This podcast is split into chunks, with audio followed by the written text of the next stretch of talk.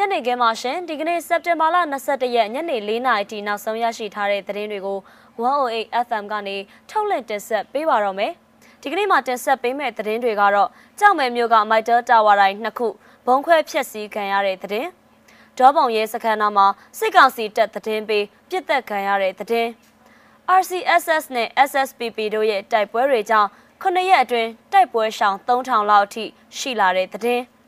ခွတ်တောင်တွန်တန်မိုးတုံညံအဆုံးသက်တိုက်ပွဲဒိုစင်ရွဲဆိုတဲ့ခေါင်းစဉ်နဲ့ရန်ကုန်မြို့ကတပိတ်မြင်ကွင်းတွေကိုလည်းတင်ဆက်ပေးမှာဖြစ်ပါတယ်ရှင်။ရှမ်းပြည်နယ်မြောက်ပိုင်းကသတင်းနဲ့စလိုက်ခြင်းပါတယ်။ကြောင်မဲမြို့နယ်မှာအာနာသိန်းစစ်တပ်ပိုင်မိုက်တာကုမ္ပဏီရဲ့ဆက်သွယ်ရေးတာဝါတိုင်းနှစ်ခုမနေ့ကညနေမှာဘုံခွဲဖျက်ဆီးခံခဲ့ရပါတယ်။လွယ်ခွန်တောင်နဲ့ကျွဲကုန်းကျေးရွာအုပ်စုမှာရှိတဲ့တာဝါတိုင်းတွေမနေ့ကညနေ6နာရီလောက်မှာဖျက်ဆီးခံခဲ့ရတာပါ။ အဲ့ဒီပောက်ကွဲမှုကိုဘယ်အဖွဲ့အစည်းကလုပ်တာလဲဆိုတာမသိရသေးပါဘူးတာဝါတိုင်းပောက်ကွဲမှုတွေအပြီးမှာတော့ကြောက်မဲမျိုးက Mitel Fiber Internet Line ပြတ်တောက်နေပြီးရဲတပ်ဖွဲ့နဲ့စစ်တပ်ကလည်းရှာဖွေမှုတွေကိုတိုးချဲ့လှုပ်ဆောင်နေပါတယ်လက်တလုံးမှာမြန်မာနိုင်ငံနေရာအနှံ့က Mitel တာဝါတိုင်းတွေဖျက်ဆီးကြရမှုခက်စိတ်စိတ်ဖြစ်ပေါ်နေပါတယ်ကြောက်မဲမျိုးမှာတော့ရှမ်းပြည်ပြည်လဲထူထောင်ရေးကောင်စီ RCSS SSA ရှမ်းပြည်တိုးတက်ရေးပါတီ SSPP SSA တအောင်အမျိုးသားလွတ်မြောက်ရေးတပ်မတော် TNLA တို့လှုပ်ရှားနေပြီးဒေသခံပြည်သူကာကွယ်ရေးတပ်ဖွဲ့ဝင်တွေလည်းရှိနေပါတယ်။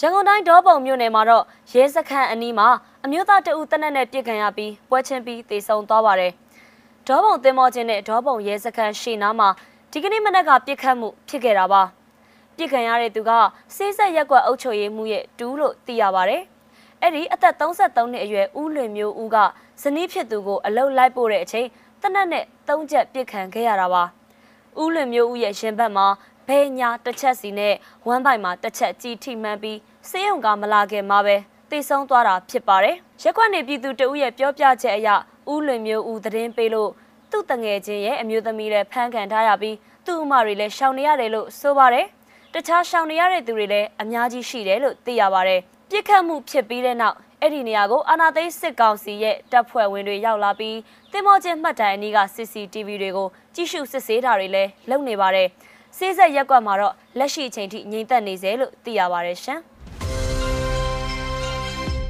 ရှမ်းပြည်နယ်တောင်ပိုင်းမိုင်းကင်မြို့နယ်မှာတိုက်ပွဲတွေကြောင့်စစ်ရှောင်ဦးရေတိုးလာတဲ့တဲ့ရင်ကိုလည်းဆက်ပြောပါမယ်။မိုင်းကင်မြို့နယ်မှာရှမ်းပြည်ပြည်လဲထူထောင်ရေးကောင်စီ RCSS နဲ့ရှမ်းပြည်တိုးတက်ရေးပါတီ SSPP တို့ရဲ့တိုက်ပွဲတွေကြောင့် တပတ်အတွင်းမှာတင်တိုက်ပွဲရှောင်3000လောက်ထိရှိလာပါပြီ။စက်တင်ဘာ14ရက်ကစပြီးမိုင်းကင်မြို့နယ်ဟိုခဲကျေးရွာအုပ်စုတဲ့ RCSS နဲ့ SSPP တပ်ဖွဲ့တို့ကြားတိုက်ပွဲတွေပြင်းထန်ခဲ့ပါတယ်။ဒါကြောင့်ဒေသခံတွေကဘေးလွတ်ရာစီကိုတင်းရှောင်ထွက်ပြေးနေကြရတာပါ။မနေ့ကနေ့လယ်ပိုင်းတုန်းကလည်းဟိုခဲကျေးရွာအုပ်စုကစစ်ဆောင်ဒေသခံတွေစီးလာတဲ့ထော်လာကြီးတိမ်မောက်ခဲ့ပါသေးတယ်။မိုးရေရွာနေလို့ပင်ကေတုကျေးရွာအုပ်စုကုန်းလိုက်နာမှာ လမ်းချော်ပြီးတိမ်မောက်ခဲ့တာဖြစ်ပါတယ်။ဒဏ်ရာရသူတချို့လည်းရှိခဲ့ပါတယ်။တပတ်တွင် RCSS နဲ့ SSPP တို့ရဲ့တိုက်ပွဲတွေကြောင့်နောက်လျံရွာမှာတိုက်ပွဲရှောင်2200ကျော်မက်ချီနှုတ်ရွာမှာ900ကျော်နဲ့လုံဆန်ကျောင်းမှာ30ကျော်ရောက်ရှိခိုလုံနေကြတယ်လို့သိရပါတယ်။တိုက်ပွဲရှောင်တွေအတွက်အကူအညီအထောက်ပံ့တွေလည်းလိုအပ်နေတာဖြစ်ပါတယ်။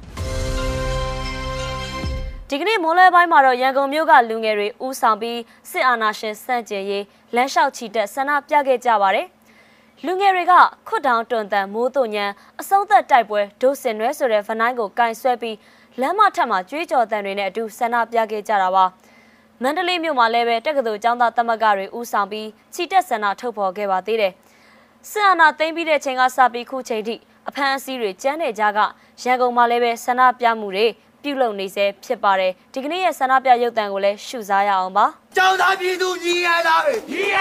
ညီရကျောင်းသားပြည်သူညီရလားညီရညီရကျောင်းသားပြည်သူညီရလားညီရညီရမလေးပြီးလာတော့โอเคရမယ်ညမရမယ်ကျွန်တော်တို့ဖက်စစ်စနစ်နဲ့ဆရာနာရှင်စနစ်ကိုမြစ်ချက်တိုက်ဖြုတ်ရေးအတွက်ကျွန်တော်တို့ကျောင်းသားပြည်သူလူထုတွေအကောင်လုံး CDM လှုပ်ရှားမှုတွေကိုထောက်ပံ့တာတွေလက်နက်ကင်တော်လိုင်းရေးကိုထောက်ပံ့တာတို့မျိုးတွေ ကျွန်တော်တို့ဒီမြေပြင်သပိတ်တွေမှာထောက်ပံ့တာမျိုးတွေကိုကျွန်တော်တို့တောင်းတလူလူတွေဒီပါတီဒီပါရှိရဲ့ပြည်သူလူလူတွေအကောင်လုံးပူးပေါင်းပါဝင်ဖို့ကျွန်တော်တို့တောင်းတသမဂတွေကနေအကောင်လုံးတိုက်တွန်းလိုက်ပါတယ်ဗျရဲရဖို့အောင်ရပြီရဲရဖို့အောင်ရပြီစက်တင်ဘာလ22ရက်ညနေ4နာရီထိနောက်ဆုံးရရှိထားတဲ့သတင်းတွေကို108 FM ကနေထုတ်လွှင့်တင်ဆက်ပေးခဲ့တာပါအချိန်ပေးပြီးနားဆင်ပေးခဲ့ကြတဲ့အတွက်ကျေးဇူးတင်ပါတယ်ရှင်